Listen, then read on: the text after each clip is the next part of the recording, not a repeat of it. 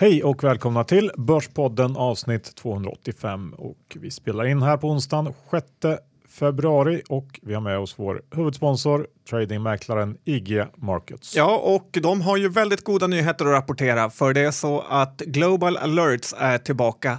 Eh, det är Peter Nilsson och Johan Hellström eh, som screenar och backtestar i Pro Realtime. Och när de hittar en edge där Johan, då skickar de ut det till eh, IGs kunder. Så att är man kund på IG så kan man få tillgång till det här och det tycker jag man ska vara. För det är kul att få lite idéer som av så här två duktiga snubbar. Verkligen, bara gå in och bli kund helt enkelt. Ja, gör det. IG.com. Ja. Idag blir det ju såklart massor av rapporter. Vi är mitt uppe i rapportperioden och ja, har en hel del som vi har hittat där. Så det kommer vi att uh, prata om. Ja, även en hel del turnaround case eh, och case som inte har blivit turnaround case ska vi titta på. Mm. Uh, sen är vi också sponsrade av våran favoritbilhandlare Börjesson Bil.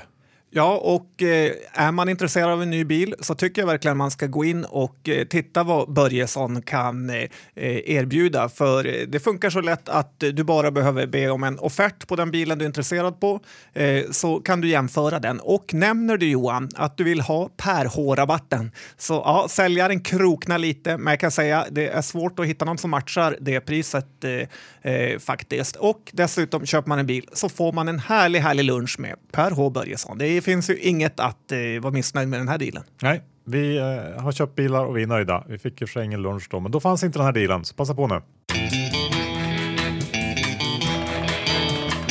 Johan Dr. Bass, Isaksson, index 1544 och eh, eh, det börjar nästan kännas lite galet här på börsen. Det är upp eh, 10 procent sedan årsskiftet. Det här var ingen som kunde tro det tidigare. Vad säger du om den här eh, håsstämningen som råder just nu? Nej, men sorry, det. Det ångar ju på eh, utav bara bara den helt enkelt och man får ju lite flashbacks till kanske när eh, Draghi körde igång eh, ECBs QE, var det 15 kanske när vi hade den här faktiskt senaste toppen eller all time highen på OMX. Eh, det är lite samma känsla nu, ingen eh, riktigt funderar över någonting förutom eh, att börsen ska upp. Även fast det kommer in eh, väldigt mycket dålig dåliga makrosiffror från framförallt eh, Europa. Men, men USA tar på bra och eh, om vi ska gå över till rapportperioden så tycker jag man ändå får säga att marknaden har varit extremt snäll i sitt mottagande av rapporterna generellt.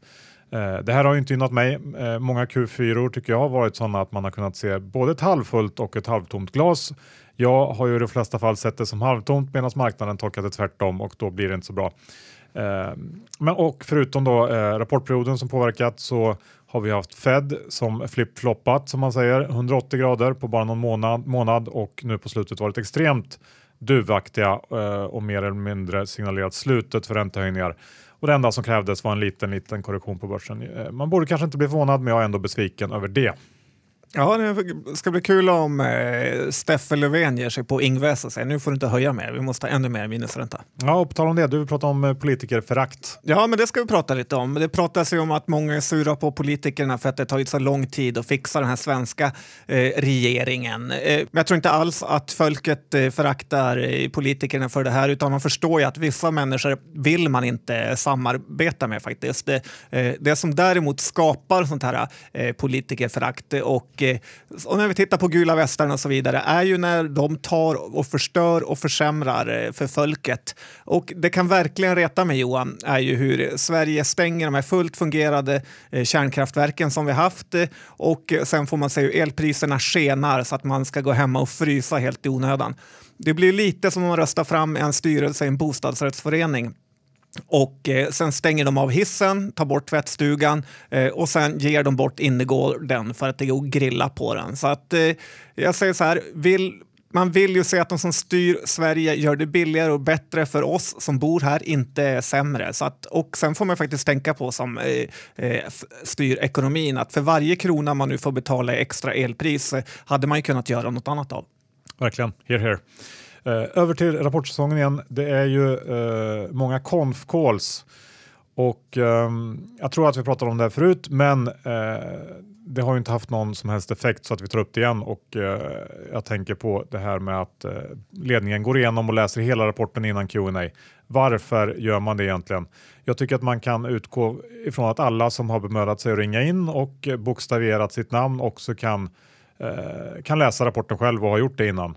Eh, sen så tycker jag att det, visst man kan gå igenom detaljer som kanske är oväntade eller som kräver någon typ av ytterligare förklaring. Men utöver det, gå direkt på Q&A.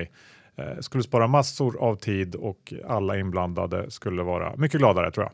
Ja, och det är ju nästan löjligt med den här vissa bolag som jobbar väldigt mycket med analytikermassage, hur analytikerna kan pricka på miljonen när det eh, kommer in. Så det är ju otroligt hur välmasserade analytikerna är. Ja. Trist allting helt enkelt. Men, men eh, vi går över till någonting som, eh, eh, som har varit lite upp och ner när det gäller håsningsgrad och då tänker jag på självkörande bilar. Ja, men det passar ju bra att ta upp idag faktiskt när de här smarta kom med rapport. Och Eh, eh de är ju ett sånt bolag som ligger där mellan eh, självkörande bilar och vanliga bilar och det verkar ju håsats på rätt bra faktiskt. Eh, men det var ju en expert i DE här som snackade om att på det ställe man har provat sådana här självkörande bilar eh, så har människorna lärt sig att utnyttja svagheterna när de är självkörande. Eh, att medtrafikanterna alltid kan tränga sig mot en försiktig självkörande bil. Eh, fotgängarna vet att de här bilarna stannar så att det bara att gå rakt ut i gatan så stannar de framför dem. Att man liksom kan styra trafiken. Eh, och den här aspekten hade jag inte alls tänkt på. Men som Charlie Munger brukar säga, att går det åt trick the system så kommer människor att eh, göra det. Eh, och eh, om vi tittar tillbaka på det här Smart Eye-bolaget så är ju de kanske lite det här drömstadiet eh, där allt ser sjukt bra framöver. De har design wins, eh, de håsar upp marknaden. Det finns risk att det kommer vara en besvikelse eh, framöver när man ser vad som rullar ner på sista radien. Men det är ändå spännande faktiskt att eh, följa det här bolaget, även om det är omöjligt att köpa en aktie som har gått upp 50 procent.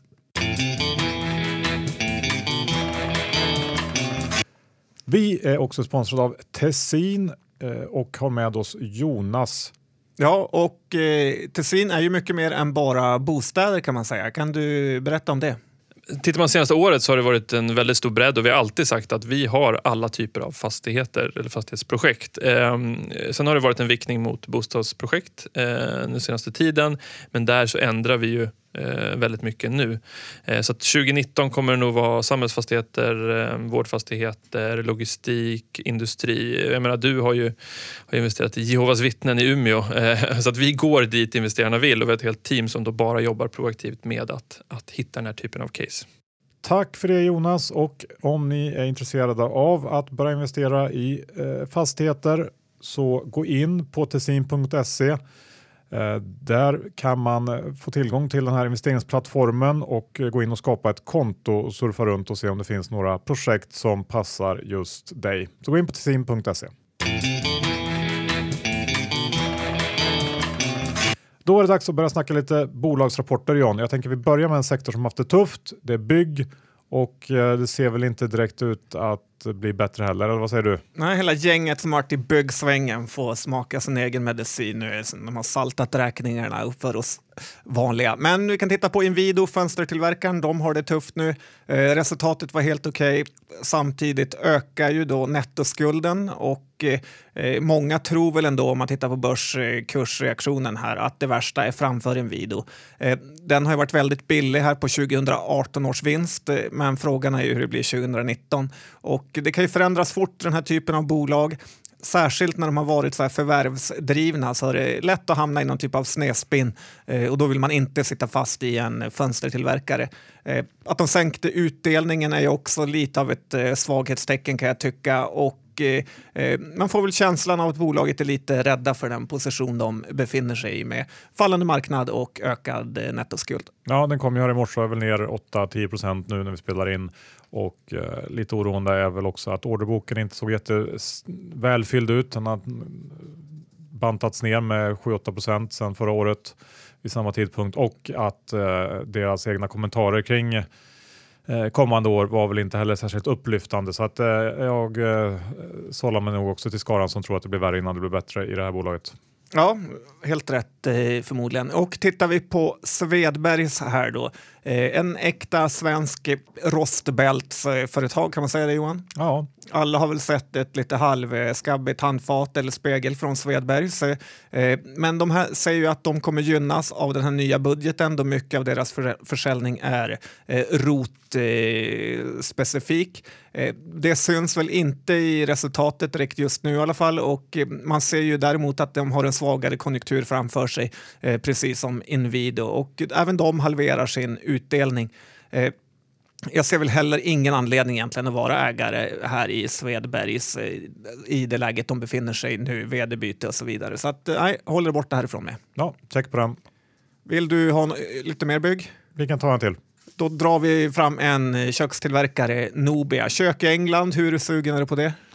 Ja, spontant är man ju inte supersugen. Nej, och det är inte börsen heller. Det här bolaget har haft det riktigt tufft där. Sänker utdelningen också eh, och eh, resultatet är dåligt. Det är en massa engångsposter. Eh, får ju också känslan av att det kommer vara sämre innan det vänder upp för den här typen av eh, bolag. Eh, det man också ska hålla färskt i minnet är ju finanskrisen och åren efter det, ganska många år faktiskt, så var ju Nobia ett av de eh, allra hårdast drabbade och sämst, eh, sämsta på börsen med åt, kanske 80-procentiga nedgångar. Eh, man ska köpa när det är billigt, det säger ju klyschan, men eh, jag och börsen tror det kommer bli billigare. Ja, men jag håller med där också. Så att, eh, vi var eniga helt enkelt kring byggbolagen här och eh, då tänker jag vi går över till ett bolag som eh, är en av mina favoriter bland de större. Vet du vilka jag tänker på? Eh, Telia? Nej, ett annat som eh, har levererat en riktigt bra rapport. Nej, men då vet jag knappt om du har någon favorit. Nej, men då, det är faktiskt Essity. Eh, de Magnus Groth? Exakt, de har ju haft eh, ett antal kvartal av tuff eh, råvaruprismotvind men nu så gav prishöjningarna ut mot kund i kombination då med kostnadsbesparingar äntligen effekt och det här bidrog då till en rejäl resultatbit mot konsens konsensusestimaten i Q4. Och det var väl ganska tydligt att marknaden också väntat på den här signalen. Aktien är väl en av de största vinnarna så här långt i rapportperioden, var upp eh, runt 10% på sin rapport och eh, man kan nu kanske börja tro lite mer på allvar på, på deras målsättning då, stänga marginalgapet mot eh, konkurrenten Kimberly Clark som fortfarande är ganska stort. Eh, sen så, så ska man vara medveten om att råvarukostnaderna kommer att fortsätta tynga under 19 men eh, det kommer att eh, liksom klinga av vad det lider antagligen. Eh, samtidigt som då prishöjningarna ger bättre effekt. Så att eh, vi borde se stigande marginaler under 2019 i Essity. Eh, aktien har noterat ett nytt all time high nu efter rapporten och eh, tycker ändå att det känns eh, rimligt. Ja, det känns ändå som ett stabilt bolag att ha i portföljen, även om MG inte är min favorit. Nej. Eh, Itab kan vi ta upp som eh, ju, eh, ja, vi har, eller framförallt du har bäsat länge med rätta.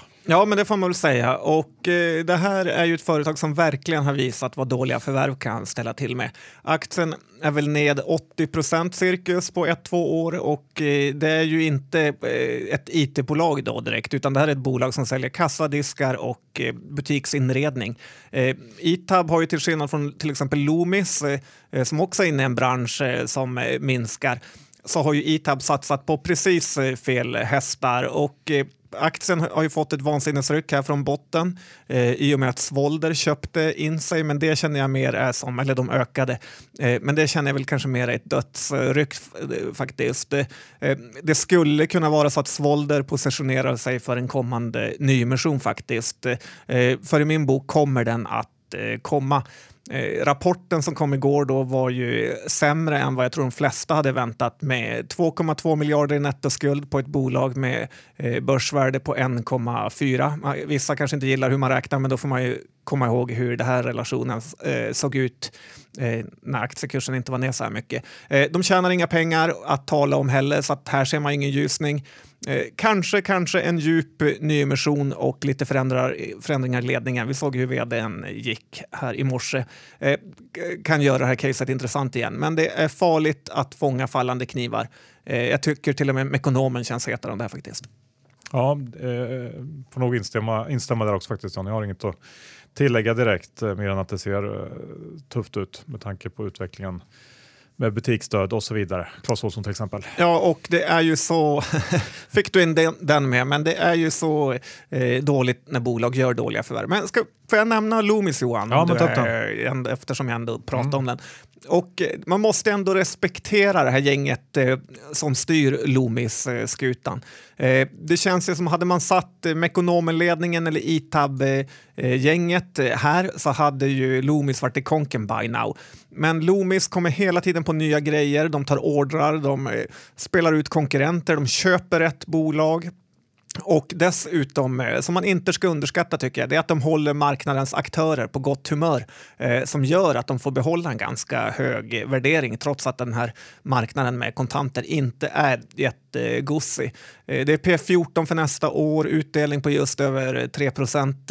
Eh, Dessutom, och jag vet inte om det är bra eller dåligt, men ägarbilden är ju i princip bara fonder här med Vanguard, Didner, SEB, Fidelity, eh, om det kan hjälpa aktien att flyga när de har inflöden. Men jag tycker man ska ta med sig det här att underskatta aldrig en eh, bra ledning för vad de kan göra för aktiekursen. Nej, det stämmer väldigt bra John. Sen tänkte jag att vi går över till eh, verkstadsbolag. Tar några stycken. Igår kom Alfa med kanske den svagaste verkstadsrapporten så här långt i rapportperioden. Missar estimaten över hela linjen samtidigt som eh, Outlook då var något bättre men då eh, från en lägre nivå än väntat får man komma ihåg. Lönsamheten var betydligt sämre än väntat på grund av dålig utveckling inom eh, Marine och Energy-divisionerna och ledningen pratade om dålig mix och lite annat. Men var faktiskt också inne på att toppen kan vara förbi. Aktien tappade tappar drygt 6 och jag tror att det finns lite till att hyvla av här. Speciellt eftersom konsensus inför rapporten penslar in en ganska stor eh, marginalförbättring då under 2019 jämfört med eh, 2018 och det tror jag blir tufft för Alfa. Så att, eh, eh, gillar man Alfa så tror jag ändå att man kan vänta lite för att den borde komma ner mer. Ja, det är ju ett eh, bolag som är ganska svårt att förstå faktiskt. Bra kommentar där John. Och vi går vidare Det är därför till, jag sitter här. Bisittare. vi går vidare till Epiroc eh, som ju hade väldigt höga förväntningar på sig efter Sandviks rapport där gruvdelen visar styrka. Eh, siffrorna i sig var mer eller mindre in line med lite sämre orderingång. Eh, men det som jag reagerade direkt på var den här skrivelsen i utsiktsavsnittet där man i förra rapporten skrev att efterfrågan väntas ligga kvar på nuvarande nivå till att nu skriva Eh, att vi förväntar oss att efterfrågan fortsätter att ligga kvar på nuvarande nivå på kort sikt, men det finns osäkerhet eh, i form av oro, kring konjunkturutvecklingen och så vidare. Eh, det var ju en liten, ändå en liten sänkning får man säga. De, de är betydligt mer försiktiga då i Q4 än vad man var i Q3. Så det här då, i kombination med orderingången som jag dessutom såg nu på morgonen var lite, lite tveksamheter kring. En del de hade lagt till någon order som egentligen inte skulle vara där och så vidare. Eh, men det, eh, det och det faktum att Q1 normalt sett är eh, säsongsmässigt starkare än Q4 då, det fick aktien att tappa drygt 5 eh, Kanske lite av ett trendskifte inom verkstad tänkte jag fram tills idag när vi fick den här urballningen i Hexagon. Men vi får se. Det var ändå lite åt det svagare hållet även där. Ja, och eh, det är många smarta pengar som säger att Epiroc är det absolut bästa man kan ha, så den kan nog vara lite överagd faktiskt. Ja, något som eh, inte borde vara överräkt längre är ju Ratos. Ja, och eh, det är ju ett bolag som mer och mer börjar bli ett eh, skämt faktiskt. Eh, nu får de ta och kicka plantagen vdn eh, och det är nog inte för att det går så bra där kan man väl eh, lugnt säga. Eh, plantagen var ju drömförvärvaren Magnus Agevalds första affär eh, från när han hade lämnat eh, Byggmax i ruiner. Då hade han ju just köpt Skånska Byggvaror och vi ser ju facit av det idag faktiskt, eller senaste året egentligen. Men Plantagen tycker jag ändå att det pratas lite tyst om, för att det här är ju ett mycket större köp än vad Skånska Byggvaror var. Ratos gjorde den här affären till ett Enterprise Value, alltså inklusive eh, skulder då, för över 3 miljarder eh, kronor. Mm, Byggmax Mange anställde direkt sin kompis från eh, sitt tidigare bolag eh, och eh, sen i sann Byggmax-anda så har de även eh, förvandlat det här bolaget till skräp. Eh, man får väl tänka på att Ratos har ett börsvärde på just över 8 miljarder. Så att sitta nu med Aibel, som är ett väldigt dåligt köp som de har gjort, eh, samt Plantagen som kanske är ännu sämre än vad Aibel är, känns ju inte riktigt bra. Och eh, jag börjar väl bli lite orolig på riktigt för Ratos. Eh, och det känns ändå som att marknaden börjar bli, för aktien har gått ner, gick ner 5% igår. Och det känns som att de måste ta kränga iväg någon av de här surdegarna. Och för det är nog enda sättet att få den här aktien att lyfta. En sista sjuk grej får jag ta upp det Johan. Ja. Och eh, då, den de har tagit in nu för att leda eh, plantagen eh, och styra upp det här är en tidigare styrelsemedlem från Mekonomen. Så att det lugnar ju inte en direkt för hur här, att det kommer gå bättre i framtiden. Kenny Brack? Nej, faktiskt inte. Han hade inte tid.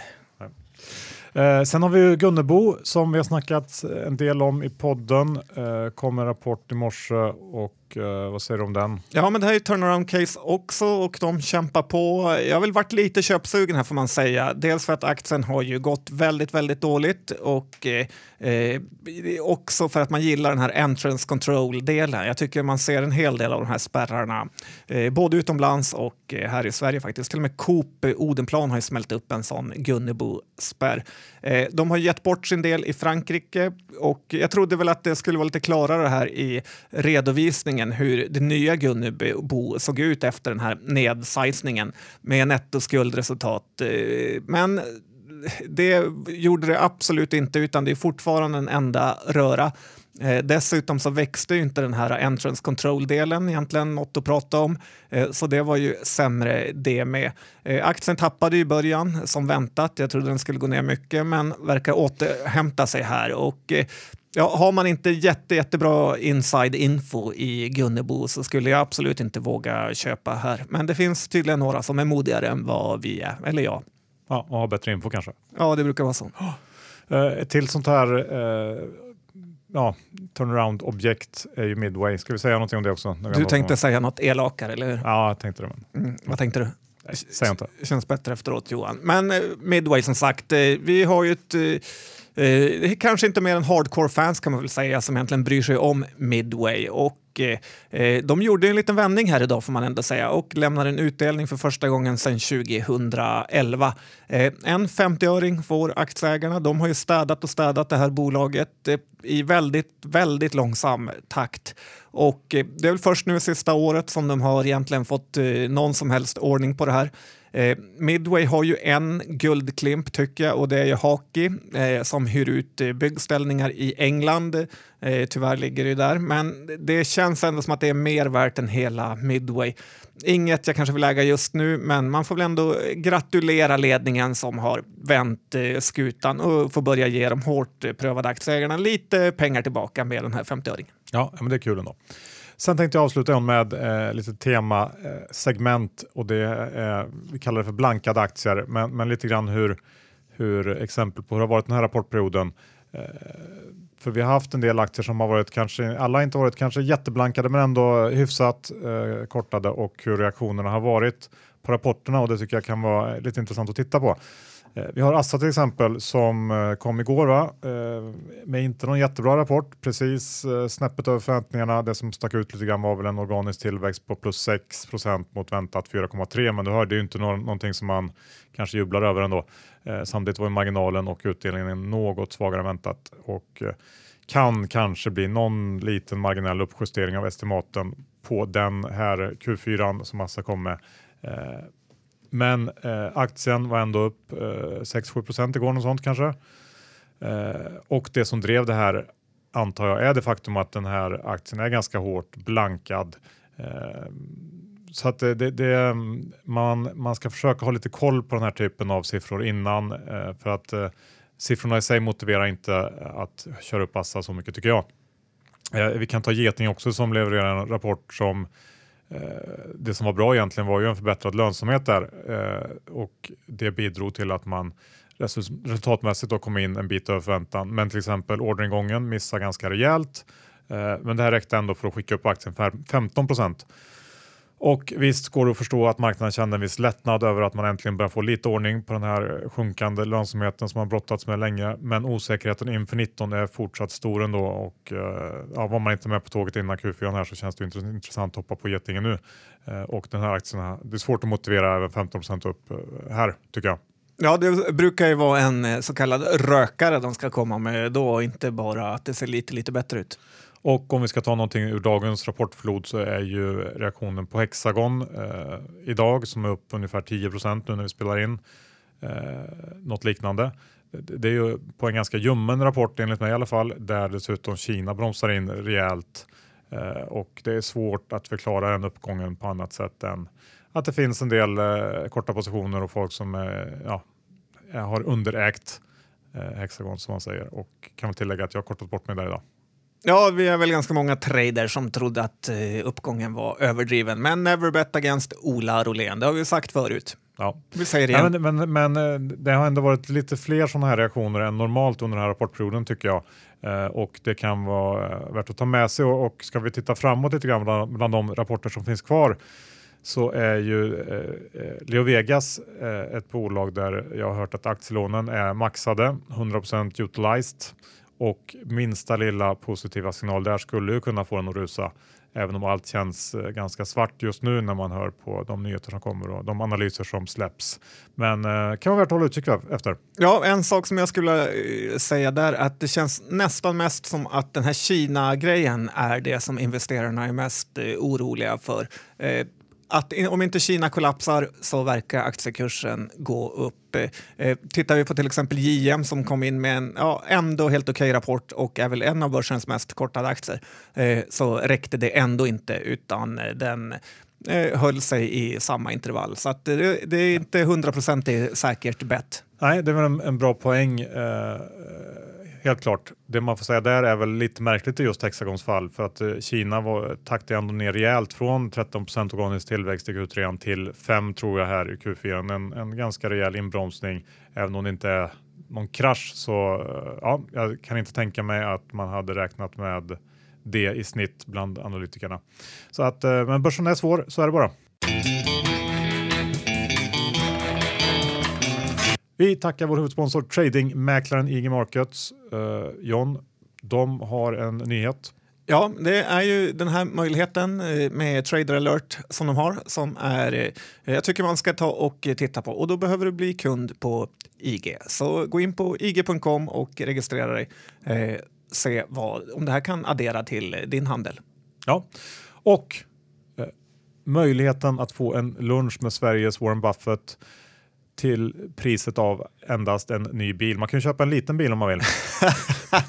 ja, precis. Men det blir ändå, om du jämför med vad brukar man få betala för att få luncha med Warren Buffett? Det är ju ett antal miljoner dollar. Här är vi ju inte alls uppe i de summorna så att det är ju en fantastisk deal. Mm, köp en bil, sälj den och behåll lunchen. Det är lite som ett arbitrage. Ja. Nej, men det vill, går man i biltankar så, och använder PH-rabatten på Börjessons bil så får man ett garanterat eh, bra pris, konkurrenskraftigt. Det kan både du och jag intyga. Check. Så ring och begär en offert. Och sist men absolut inte minst Tessin.se. Gå in på deras investeringsplattform och öppna ett konto och eh, titta sedan runt och se om det finns något projekt som, eh, som är intressant för just dig. De har många intressanta projekt just nu och eh, ja, det är ett bra sätt att bygga upp eh, en alternativ intäktsström eh, till börsen. Ja, det är bara att se hur fastighetsbolagen tuffar på på börsen. Jag har investerat där. Jag tycker de gör ett bra jobb. Ja, och John, innehavsredovisningen. Eh, jag sa i liten, liten bara förbifarten, Clas Olsson där eh, i lite negativa ordalag och det, och det är ju för att jag är kort den aktien. Jag även Passa på eh, varje gång. Kort eh, Hexagon, men, men det kommer jag väl inte vara länge till, men det kan vara värt att nämna. Jag är också kort eh, Hexagon, förlåt Ola att jag gör så här, men jag tror reaktionen är lite överdriven då och kommer dra smygen nu när vi kommer ut ur studion. Ja, jag skulle också kanske snarare säga att det är Ola som ska, borde säga förlåt till oss. Han kan swisha några miljoner. Ja. Bra, tack för att ni lyssnade. Vi hörs om en vecka Hej då!